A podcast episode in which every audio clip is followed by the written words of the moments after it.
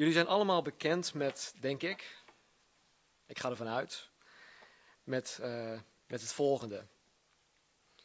De in het verleden behaalde resultaten bieden geen garantie voor de toekomst. Toch? Dat, dat hoor je op de radio, zie je op tv, dat zie je in de kranten. Nou, dat wordt door de beleggingsmaatschappijen gezegd. En daarmee zeggen ze eigenlijk dat zij niet in staat zijn om het beoogde rendement te kunnen garanderen. En ze nemen daardoor, sorry hoor, dus afstand van hun verantwoordelijkheid voor het geld. Dus zou ik mijn geld investeren bij iemand die zegt van jongens, ik kan geen garanties bieden? Op zich helemaal niks verkeerd om met, met investeren, dus als je belegt of wat dan ook, eh, prima. Want God gebruikt dat ook. Maar ik zeg dit omdat ik een punt wil maken. Wanneer iemand zijn of haar geld op de beurs investeert, gaat dat dus niet. Oh. Sorry. Gaat dat dus niet zonder risico. Je kan een hoop geld verdienen op de beurs, maar je kan ook een hoop geld verliezen op de beurs. En dat is het risico. Ja, het zou natuurlijk fijn zijn als wij in iets zouden kunnen investeren dat altijd een positief rendement oplevert. Nou, ik weet van zo'n kapitaalfonds. En ik zal jullie vandaag, ook in de beleggerstaal, een hot tip geven. Waar je in kan investeren. het betreft geen fonds op de beurs. Maar het betreft menselijk kapitaal. Waarin je in jezelf en in andere mensen investeert. En in tegenstelling tot alle andere beleggingsfondsbeheerders heeft mijn fondsbeheerder alles, maar dan ook alles onder controle. En hij biedt ons wel een garantie voor de toekomst. Dus laten we daar vanmorgen naar kijken. De meeste van ons die hier zitten, zijn in zee gegaan met, met mijn fondsbeheerder. En investeren reeds in deze kapitaalfonds. Maar er zijn sommigen hier vanmorgen die nog niets weten van deze fondsbeheerder. Of jullie hebben ooit wel iets over hem gehoord, maar kennen hem nog niet persoonlijk. Jullie zijn op een of ander zijspoor geraakt en investeren momenteel misschien wel met grote verliezen. Dat kan. Nou, jullie wil ik vanmorgen de gelegenheid bieden om over te stappen. Om over te stappen van een verliesgevende investering naar de kant van grote winst. Nou, laten we eerst onze geheugen een beetje opfrissen. Vorige week zagen wij hoe Petrus um, de situatie aanpakte. Toen na de, de, het, het Pinksterverhaal uh, de Heilige Geest werd uitgestort. De mensen begonnen ineens onder de kracht van de Heilige Geest in vreemde talen te spreken. Het waren allemaal Galileërs. En die begonnen ineens in vreemde talen te spreken, waardoor hun toehoorders het in hun eigen taal of dialect hoorden. En ik heb het voorbeeld al eerder genoemd. Het is net alsof een groep katwijkers ineens vloeiend Engels, vloeiend Frans, vloeiend Swahili of wat dan ook begon te praten. Dus het was een wonder. En degene die, die dat accepteerden, die stonden versteld over dat talenwonder. Maar er waren ook mensen bij die, die, die spotten, die, eh, die spottend zeiden dat ze eigenlijk allemaal dronken waren. En Petrus behandelde deze situatie echt als, als geen ander.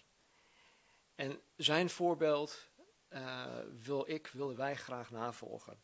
Hij behandelde de misvattingen van mensen. Hij vertelde wat het niet was. Hij vertelde in begrijpelijke taal wat het wel was. Hij vertelde de waarheid vanuit Gods woord, de Bijbel. Hij baseerde zijn toespraak op Gods woord, de Bijbel.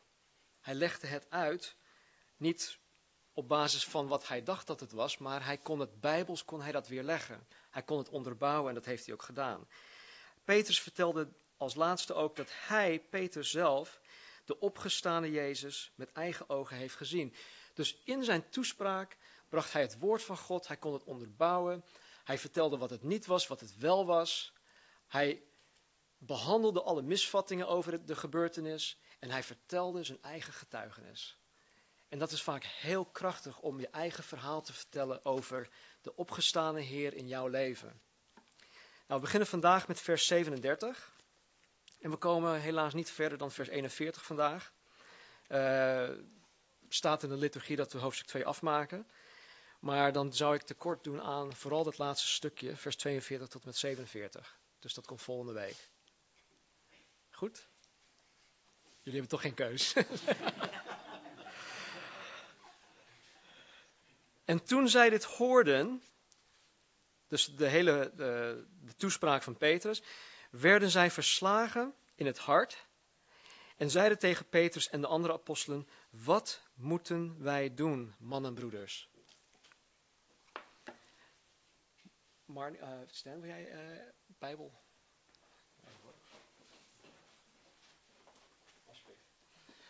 Mannen, uh, wat moeten wij doen, mannenbroeders? Toen zij dit hoorden, hè, deze mensen zijn toehoorders, ofwel toen zij het begrepen hadden en aanvaarden, werden zij verslagen in het hart. De woorden van Petrus waren tot hun oren doorgedrongen. En met andere woorden, de boodschap was duidelijk overgekomen. Ze snapten het, ze begrepen het en ze wisten dat ze er iets mee moesten doen. Nou, het gevolg van deze informatieoverdracht was dat de toehoorders verslagen in het hart raakten. Nou, wat hier gebeurde, was dat zij heel diep in hun hart getroffen waren. Heel diep in hun hart getroffen waren door de woorden. Zij kwamen tot het besef dat zij schuldig waren. En ze raakten daardoor diep bedroefd. Bedroefd door hun eigen schuld. Weet jullie nog, ehm, in hoofdstuk 16 van Johannes Evangelie zegt Jezus tegen zijn discipelen op een gegeven moment dat wanneer de Heilige Geest komt, zal Hij de wereld overtuigen van onder andere zonde. Zonde, rechtvaardigheid en oordeel. En wat hier gebeurde met deze toehoorders was precies waar Jezus het over had. De Heilige Geest overtuigde deze groep mensen van hun zonde. En daardoor raakten zij diep getroffen in hun hart. Ze raakten verslagen in het hart. Trouwens, in alle gevallen van opwekking als je de, de, boeken leest over de opwekking in de 19e, in de 18e eeuw. In, in, in al die gevallen was er altijd een diep besef van zonde. Mensen kwamen altijd tot het besef van, oh, ik ben een zondaar en ik moet daar iets mee doen. De Heilige Geest overtuigt inderdaad van zonde, ook vandaag de dag nog. Maar hoe doet hij dat? Hoe doet hij dat in, in mijn leven, in ons leven? Hoe doet hij dat in de wereld, de buitenwereld? Wij zijn het zout en licht. En hoe, doet, hoe, hoe overtuigt de Heilige Geest mensen van zonde? Ik geloof, een uitzondering daar gelaten, dat de Heilige Geest de opgedane kennis van Gods Woord en de ervaring met Jezus gebruikt om zijn werk te, uh, te volbrengen. Dus de Heilige Geest gebruikt de kennis die ik heb opgedaan van Gods Woord en mijn ervaringen met Jezus Christus, dat de Heilige Geest dat gebruikt om zijn werk te volbrengen. Met andere woorden, het woord, de Bijbel, dat geschreven staat op mijn hart, dat ik persoonlijk doorleefd heb, dat kan de Heilige Geest gebruiken om anderen te overtuigen. En derhalve moet ik bewust zijn, of zelfbewust zijn, dat ik een schuldige zondaar ben, die alleen maar door Jezus Christus en zijn genade gered is. Gered van wat? Van de gevolgen van zonde, van de dood. Als ik, als ik zelf dat besef niet heb over mezelf, dan kan ik dat ook niet overbrengen aan anderen. Dan kan de Heilige Geest mij in ieder geval niet gebruiken om een ander te overtuigen van hun zonde. Dus ik moet zelf eerst het besef hebben hoe ik er zelf voor sta. En ik sta hier voor jullie als een zondaar. Ik ben schuldig En als ik God vraag om mij te geven wat mij toekomt, dan, dan ben ik er geweest. Ik krijg niet wat ik toekom, ik krijg juist wat ik niet toekom en dat is zijn genade. Ik krijg zijn genade en daar heb ik niks voor hoeven te doen. Kan God het zonder mensen? Natuurlijk. Maar ik geloof dat God mensen wil gebruiken. Hij wil ons, hij wil jullie, hij wil menselijke instrumenten gebruiken om zijn werk te verrichten hier op aarde. En we zien dat in handelingen, we zien het door de hele, het hele Nieuwe Testament heen. En we, kennen, we weten ook uit eigen ervaring dat God mensen gebruikt. God heeft mensen gebruikt om mij te overtuigen van mijn zonde. Dus laat God je gebruiken. Nou, als de Heilige Geest inderdaad mijn opgedane kennis en ervaring gebruikt om door mij heen uh, mensen te overtuigen van zonde, van rechtvaardigheid en oordeel en ook te getuigen van Jezus Christus, is het dan niet zaak voor mij om zoveel mogelijk kennis van de Bijbel op te doen? Dat ik me verdiep in Gods woord, dat ik, me, dat ik het me eigen maak. Dat ik het doorleef, dat ik het woord van God tot me inneem, dat ik het tot, me in laat werken. En dat ik het, Heer, help me, ik wil, dit, ik wil dit tot uiting laten komen in mijn leven. En dat ik dicht bij Jezus wandel.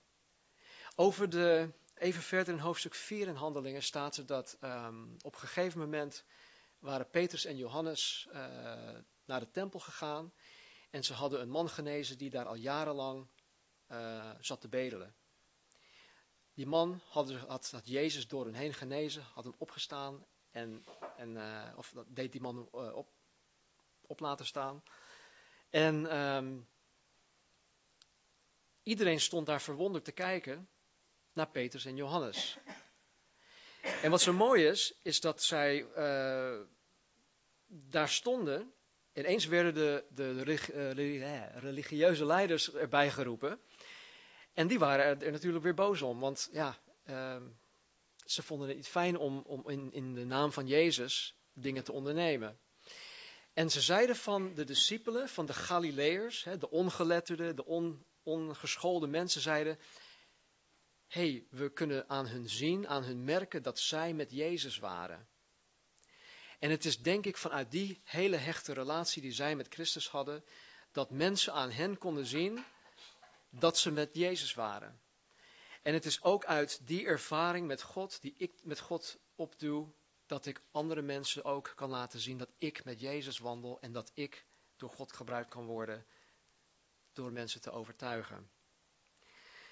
In Johannes 14 staat er, maar, dit zegt Jezus, maar de trooster, de Heilige Geest, die de Vader zenden zal in mijn naam, die zal u in alles onderwijzen en u in herinnering, in herinnering brengen alles wat ik u gezegd heb. Dit zegt hij tegen zijn discipelen, dus ook tegen ons.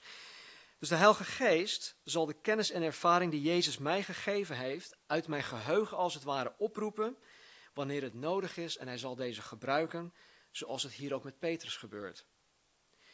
Heel vaak denken we dat we, als we in gesprekken gaan met mensen, dan hebben we ja, een, een, een plan. Hè, het is goed om een plan te hebben als je een gesprek ingaat. Maar vaak wil God gewoon, hij wil heel simpel dat we ons gewoon open en beschikbaar stellen. En dat datgene wat al in mij is, dat hij dat willekeurig, wanneer hij dat nodig acht, wanneer hij dat wil, oproept en dat we dat met mensen gaan delen. En het moet er wel in zitten jullie werken volgens mij allemaal met computers. Als een bepaald bestand of programmatuur niet op de harde schijf staat, dan kan je dat bestand, die informatie kan je er ook niet uithalen. Je kan het ook niet oproepen op je beeldscherm laten zien, want het is er niet. En zo is het met God en de Heilige Geest. Als het bij mij er niet in zit, dan kan God het ook niet tot uiting laten komen in mij. Hij kan, het, hij kan me dan niet gebruiken als het ware.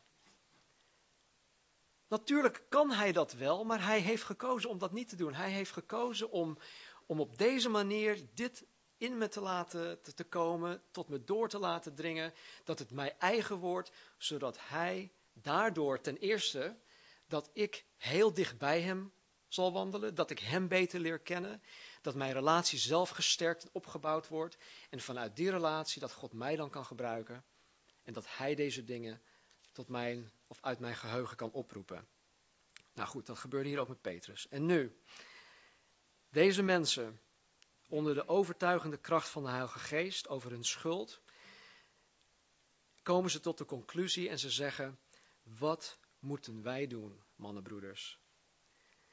Ze hebben al gekozen en ze willen nu weten wat zij moeten doen. Hoe moeten zij handelen? En dit is altijd het beoogde resultaat wanneer ik iemand vertel over Jezus Christus. Wanneer ik Jezus met iemand deel, is het altijd het beoogde resultaat dat mensen zeggen: Oké, ik snap het, wat moet ik doen? Nou, ik weet dat dat niet altijd gebeurt. Heel vaak zijn we aan het zaaien. En een mens door hun leven heen, die, die, die wordt door de Heilige Geest als het ware getrokken. God brengt bepaalde mensen op hun pad. Ze krijgen bepaalde waarheden hier en daar te horen. En ja, als, als, als ik dan degene ben die dat mag oogsten, dan is het het, het meest geweldige wat, wat er is op aarde. Dat je iemand tot Jezus Christus mag leiden. En dat is, dat is altijd het beoogde resultaat. Dus zelfs al ben je aan het zaaien, kijk alvast vooruit. Kijk vooruit naar het moment dat iemand zegt, ja oké, ik wil Jezus volgen. Want zo ziet Jezus mensen ook. Als wij dat niet zien, als we dat niet voor ogen hebben, dan zullen we ook niet voor mensen bidden.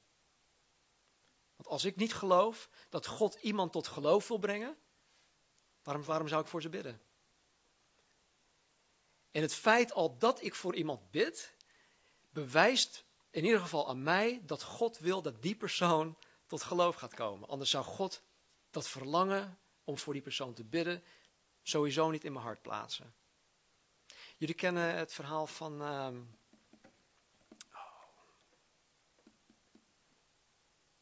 Oeh, ik ben hem even kwijt. Mueller. Nee, Mueller niet. Um, anyway, het was een, verhaal. Een, een zendeling. Die bad al 50 jaar lang voor zijn beste vriend. 50 jaar lang. En na 50 jaar kwam deze vriend eindelijk tot geloof. En toen mensen deze man vroegen waarvoor, of die, die gebeden had, toen mensen hem vroegen, joh, hoe heb je dat zo lang vol kunnen houden? Hij zei, als ik niet had geloofd dat God deze man wilde redden, dan had ik ook niet voor hem gebeden. God heeft het verlangen voor, eh, om, om voor die persoon te bidden in mijn hart geplaatst. Daarom heb ik het vol kunnen houden. Dus als er mensen zijn, en er, ik weet dat er mensen zijn, bid voor deze mensen, blijf voor ze bidden. En zie uit naar het beoogde resultaat. Dat ze zeggen van, oh, wat moet ik doen? Carla, wat moet ik doen om, om tot geloof te komen? Hè? Wat moet ik doen? Dat is het beoogde resultaat. Probeer mensen ongedwongen, hè, dus niet in een kramp, altijd voor de keus te stellen. Het is heel makkelijk om mensen te vertellen dat God van ze, van, van ze houdt. Hè? Oh, God houdt van je. Jezus Christus is voor je gestorven. Hij houdt van je. Wat doen ze daarmee?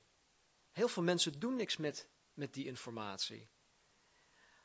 Zoals Petrus hier het uitlegde, leg het hun uit. Maar stel hen wel voor de keus. Want niet gekozen te hebben, is toch gekozen te hebben. Jezus zegt, je bent of met me of je bent tegen me. Er is geen grijs gebied. En ik denk dat wij tot dat, dat besef moeten komen wanneer wij met mensen praten van, joh, je bent of met Jezus of je bent tegen Jezus. Het is lastig, het is moeilijk. Het is niet de vriendelijkste manier om dat over te brengen. En het is ook niet de meest populaire manier. Maar ik denk dat God van ons verlangt dat wij het evangelie brengen zoals Hij het bedoeld heeft. En, dat, daar hoort ook bij dat we mensen voor een keus stellen. Maar nogmaals, niet, niet, op, niet opleggen, niet gedwongen, niet fanatiek bovenop mensen springen. En nu moet je kiezen. Nee, in de liefde van Christus. Met veel wijsheid. Met veel gebed. God vragen om wijsheid. Vers 38. En Petrus zei tegen hen: Bekeer u en laat ieder van u gedoopt worden in de naam van Jezus Christus tot vergeving van de zonden. En u zult de gave van de Heilige Geest ontvangen. Nou, het eerste dat Johannes de Doper zei tegen de mensen was: Bekeer u. De eerste woorden die Jezus publiekelijk spraken waren: Bekeer u. En Petrus zegt precies hetzelfde. Wat moeten we doen? Hij zegt: Bekeer u. In de grondtekst betekent bekering een aantal dingen. Het betekent dat ik iets of iemand anders ga verstaan of zien. Of dat ik hem anders ga inzien. Het betekent dat ik anders over iets of iemand ga denken. Het betekent dat ik van gedachten ben veranderd over iemand of iets. Het betekent dat ik door mijn gedachten van, of verandering van gedachten, door mijn andere zienswijze, dat ik daardoor berouw krijg. En een bewuste keus maak om verandering te brengen in de situatie. Dus ik kom tot een, een nieuw inzicht. Ik zeg ja, ik wil verandering brengen en ik draai me om. Simpelweg, bekering betekent 180 graden omdraaien en de andere kant op gaan. De Bijbel zegt dat wij allemaal van God af, aflopen. Dus als God hier staat, dan gaan wij in die richting. Maar bekering betekent omdraaien en nu ga je richting God. Nu ga je richting Jezus. En dat is bekering, heel simpel gezegd. In de Bijbel betekent bekering dat mijn gedachten over God veranderen. Dat ze veranderen van verkeerde gedachten in de juiste gedachten. Dat ik God de Vader, dat ik Jezus Christus, dat ik de Heilige Geest ga zien zoals zij daadwerkelijk zijn. Het betekent ook dat ik berouw heb of dat ik diepe spijt heb over mijn verkeerde gedachten over God. En dat ik Hem vraag om mij van deze verkeerde gedachten te vergeven. Berouw, diepe spijt leidt tot de juiste actie. Bekering betekent dat ik me bekeer van iets tot iets. Met andere woorden, ik bekeer me van mijn oude leven zonder Jezus tot een splinternieuw leven met Jezus. Dus, het eerste dat ik hoor te doen, wanneer ik de woorden van het evangelie hoor en wanneer zij tot mijn oren doordringen, is te bekeren van het oude leven. In het oude leven waarin ik denk alle touwtjes in de handen te hebben. Dat ik daarvan bekeer tot God en Hem de leiding geef over mijn nieuw leven. En dit bedoelde ik vanmorgen, waar, waar ik zo even mee begon, dat sommigen hier vanmorgen zich moeten bekeren van een verliesgevende investering tot een hoog rendementsinvestering die tot in eeuwigheid winst zal uitkeren.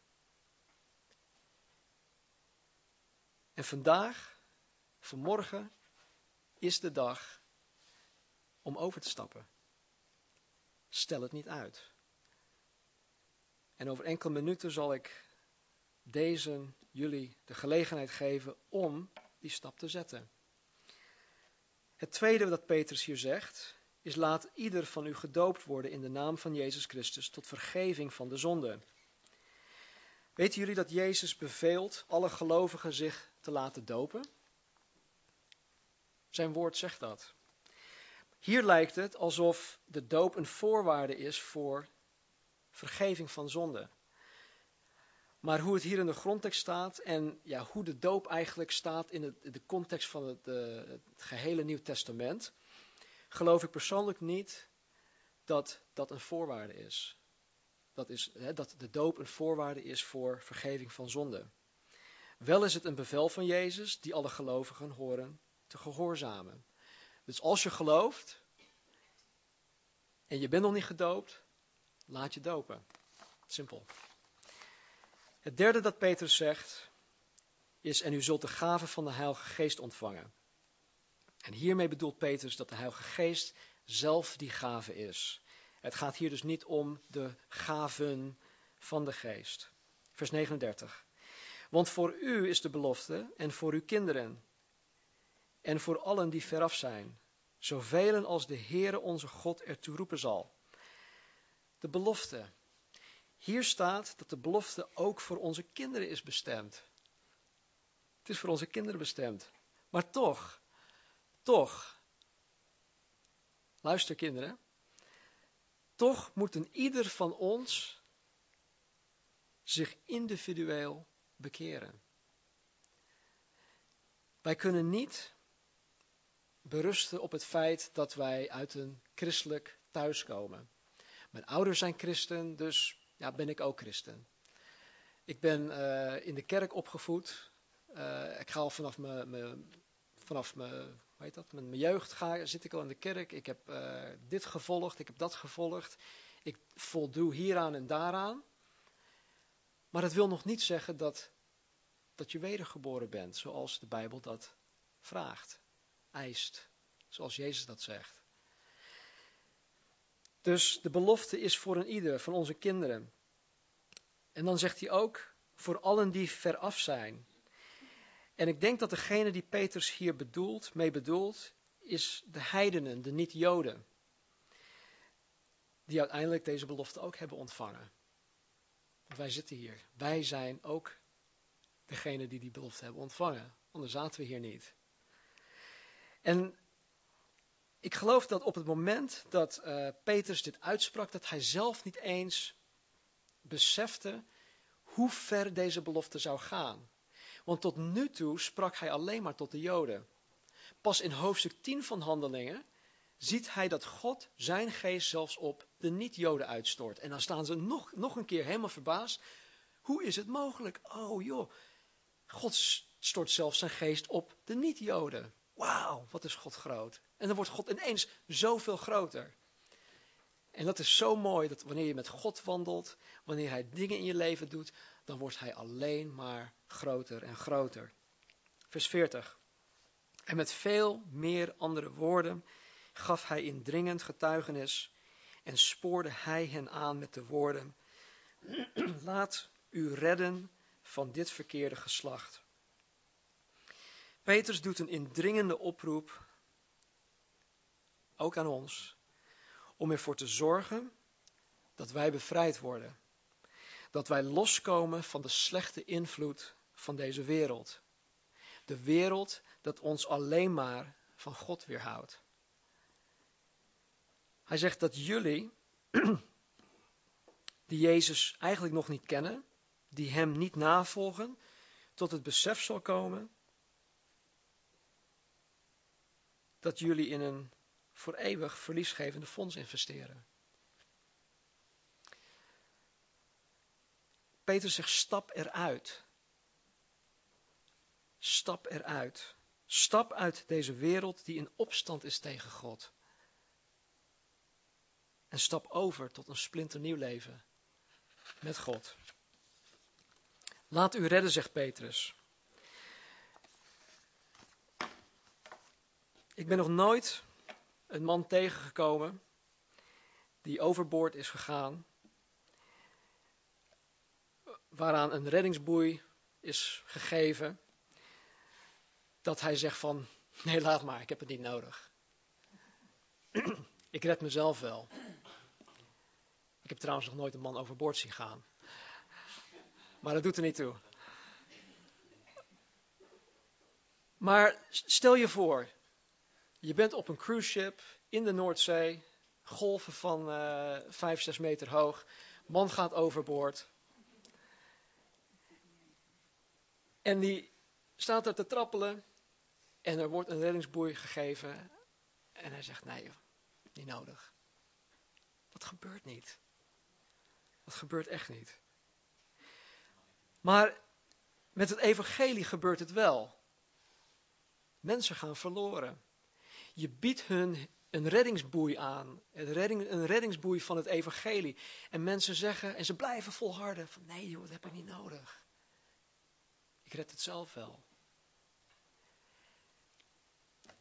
Ik begrijp dat niet. aan de ene kant begrijp ik het wel, want er staat ook in de Bijbel wat er in de mens zit, wat er in de mens leeft. Maar een weldenkend mens, die zou dat toch moeten aangrijpen. Die zou toch moeten denken van, oh man, dit is zo'n geweldige aanbieding. Die moet ik gewoon met beide handen aangrijpen en ik moet het nooit meer loslaten.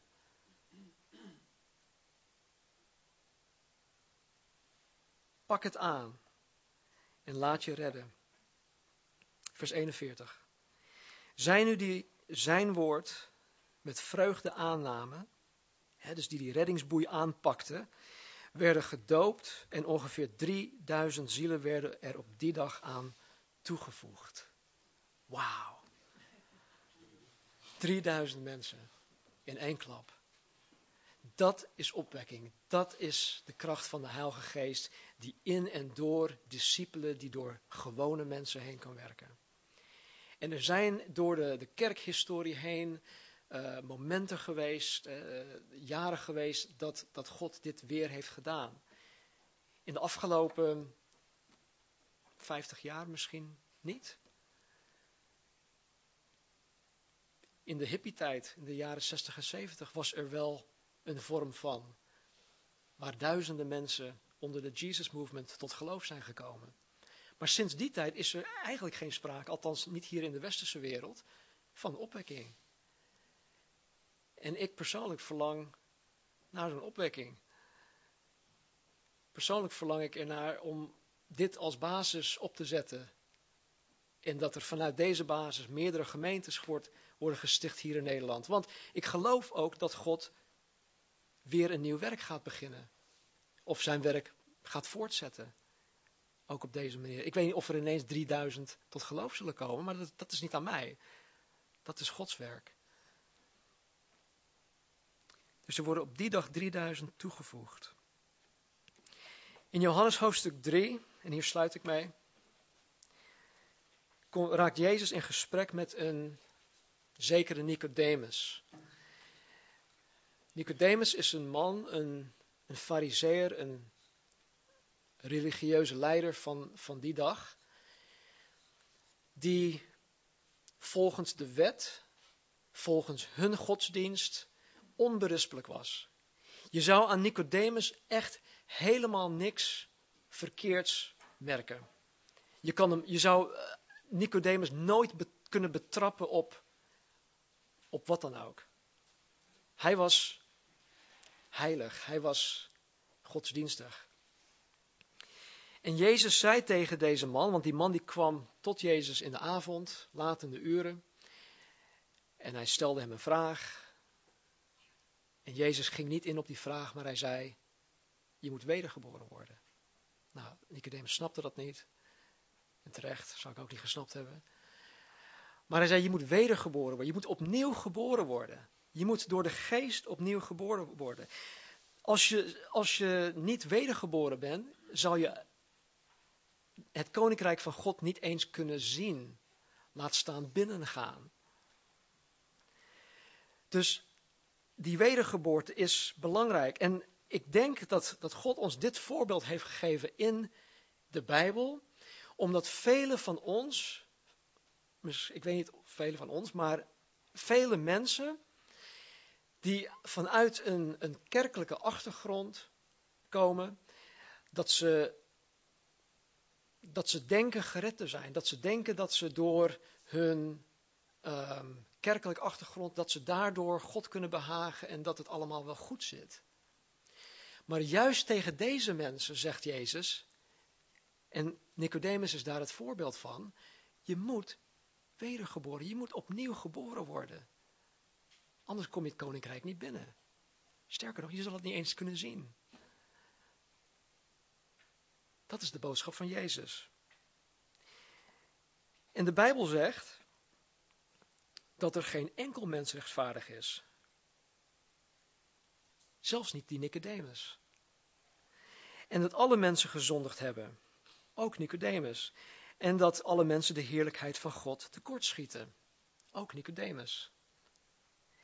En Nicodemus, die onberispelijk was, die een man van, van, van veel geloof, die, eh, die, die naar de, de wet en, en de, de godsdienst van toen, die zich echt aan alle details hield, toch zei Jezus, nee, je bent niet goed genoeg.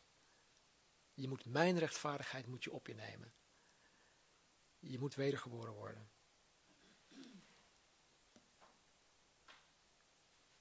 Het gevolg, en ik geloof dat Nicodemus uiteindelijk wel tot geloof is gekomen. Er staat, hij wordt niet bij naam genoemd in de Bijbel. Maar even later wordt er wel gesproken over een zekere fariseer die tot het geloof is gekomen. En goed, ik geloof persoonlijk dat hij dat was. Doet er ook niet toe. Maar stel dat Nicodemus dat niet, niet tot geloof zou gekomen zijn. Dan het gevolg van zijn ongeloof aan Jezus' woorden is dat het rendement die hij zou behalen de eeuwige dood is. Een negatief saldo. Hij kan daar niks mee. Het zal je uiteindelijk niets positiefs opleveren. En wat de Bijbel zegt, dat de loon van de zonde, hè, dus de, de uitkering die je zal ontvangen van de zonde, is de dood. En wat is de dood eigenlijk? De dood is dat je gescheiden bent van God. Dat er een kloof is tussen jou en God. Dat je geen relatie met God kan hebben. Hier op aarde, maar ook voor de eeuwigheid. Maar de genadegave van God is eeuwig leven. En eeuwig leven, zegt Jezus, is om Hem te kennen. Het eeuwig leven is om Jezus Christus en de Vader te kennen zoals ze zijn. Het eeuwig leven begint hier op aarde. En het gaat door tot een eeuwigheid. En dit leven, deze genadegave, is alleen te krijgen, te ontvangen door ons geloof in het volmaakt werk van Jezus Christus aan het kruis. Die voor mij, die voor een ieder hier gestorven is. Zijn rechtvaardigheid is ons toegerekend. Ondanks dat ik niet rechtvaardig ben, want de Bijbel verklaart mij onrechtvaardig. Ziet God mij nu, als God naar mij kijkt, ziet hij Stan Marinissen als 100% rechtvaardig. Wat een aanbieding. Wie zou dat nou niet willen hebben? In 2 Korinthe 6 staat er, nu is het de dag van de zaligheid. Nu. Het is menselijk om dingen uit te stellen. Vraag maar aan de tieners als het gaat om huiswerk. Het is heel menselijk om dingen uit te stellen. En de duivel die helpt je daar ook een handje in. Nee, joh, doe het niet. Morgen komt wel. Maar de Bijbel zegt nu, vandaag, vandaag is het de dag van de zaligheid. Laten we bidden. Heren, dank u wel. Heer, dank u dat u aan een ieder van ons, Heer, een oproep doet om u te volgen. Heer, dat u de reddingsboei aan ons overhandigt. Dat u dat aan ons geeft, Heer, om aan te grijpen. En Heer, sommigen van ons hier hebben dat nog nooit gedaan. Heer, sommigen van ons hebben dat wel gedaan, maar dan met één hand vastgehouden. En dan misschien weer losgelaten. En Heer, ik bid in het bijzonder voor deze, deze mensen, Heer, zowel jong als oud.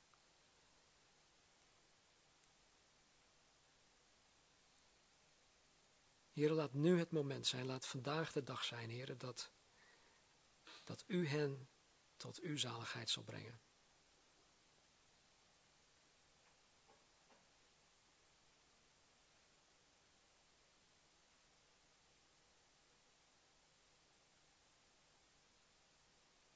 En Heer, ik dank u. Heer, voor de, voor de rest van ons, Heer, dat we hieruit ook uit uw woord, Heer, wijze lessen mogen hebben geleerd. En Heer, dat het door zal blijven werken deze komende week.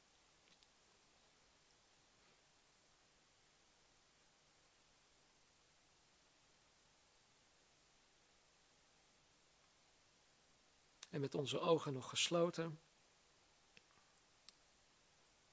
wil ik jullie ook voor de keus stellen. Ik wil vragen of er iemand is die nu voor het eerst, of misschien in vernieuwing, een tweede keus, een derde keus, misschien wel de honderdste keus. Als er iemand is die nu die keus wil maken, steek je hand dan omhoog, dan wil ik voor je bidden.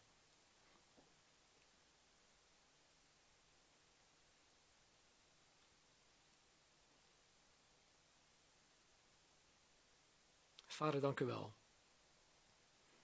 Heer, ik bid voor deze die, die zich opnieuw, heren, aan u willen geven.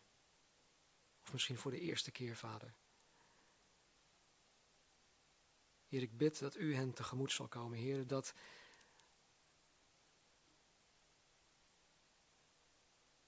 de schreeuw, Heer, vanuit hun hart, wat moeten we doen? Heer, dat u het duidelijk maakt wat ze moeten doen op dit moment. En van deze dag aan. Heer, geef hen kracht. Laat de Satan uw woorden niet wegnemen.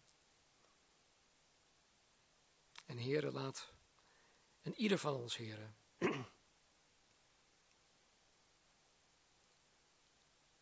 tot u, nu, tot u komen. Heer, zoals we zijn. Nogmaals, Heer, met al onze worstelingen. Al onze tekortkomingen. Heer, met, ook met onze overwinning die u ons gegeven hebt. En zo, Heer, bid ik dat u vandaag ook, deze komende week, Heer, wanneer de jongeren weer naar school gaan, dat u voor een ieder van hen, Heer,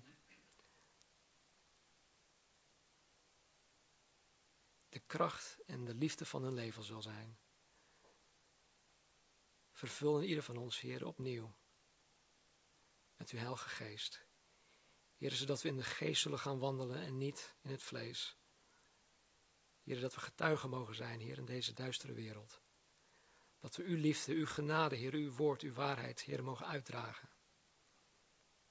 En Heer, help ons uw woord tot ons te nemen. Dat het in onze harten mag ja, geschreven mag worden. En heren, dat u het, wanneer het u uitkomt, heren, uit onze geheugen mag oproepen om anderen daarmee te zegenen. Dank u wel, Heer. Doe uw werk die alleen u kan doen. Zegen ons en stel ons tot zegen. In Jezus' naam, dank u wel. Amen.